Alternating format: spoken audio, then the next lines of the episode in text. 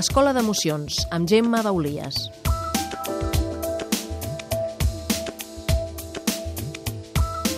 I de nou som a l'Escola d'Emocions, de la mà de la Gemma Baulies, que és metge naturista, és autora del llibre L'aventura de relacionar-se, és homeòpata, és pediatra, i que avui ens parlarà d'una emoció que els petits ja la poden sentir, que de grans la sentim en profunditat i que és una emoció potent, podríem dir, que és el desamor. Mm.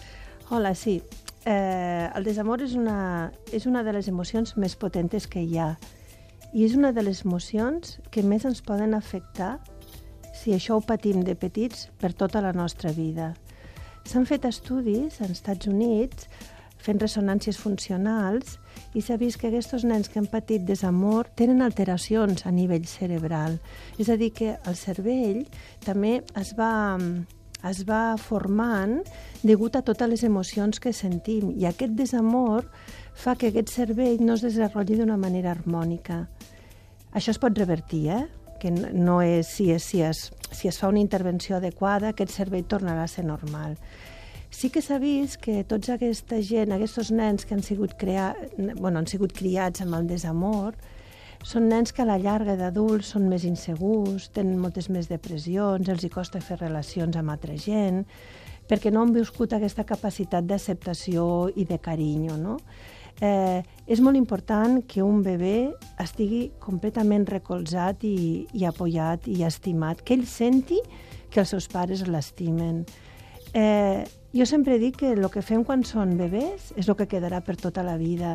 Si tu ets un bebè indefens, que no pots fer res, que tu han de fer tot, l'única manera d'expressar-te que tens és plorant i ningú respon a aquest plor, què, què, què pensarà? Què li estem ensenyant a aquest nen, no? En qui podrà confiar quan sigui gran?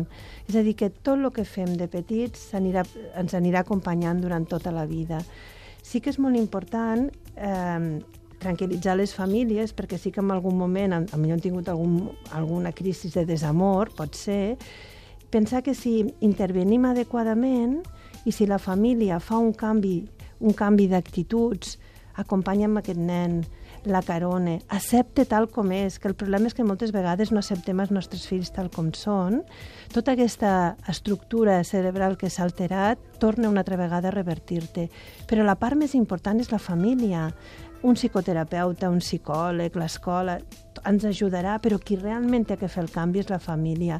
És a dir, nosaltres com a pares tenim que canviar les nostres actituds perquè aquest nen no se senti abandonat ni amb desamor perquè això a la llarga li comportarà moltes mancances. Llavors, bueno, hi ha moltes teories com criar amb els nens, no importa la teoria.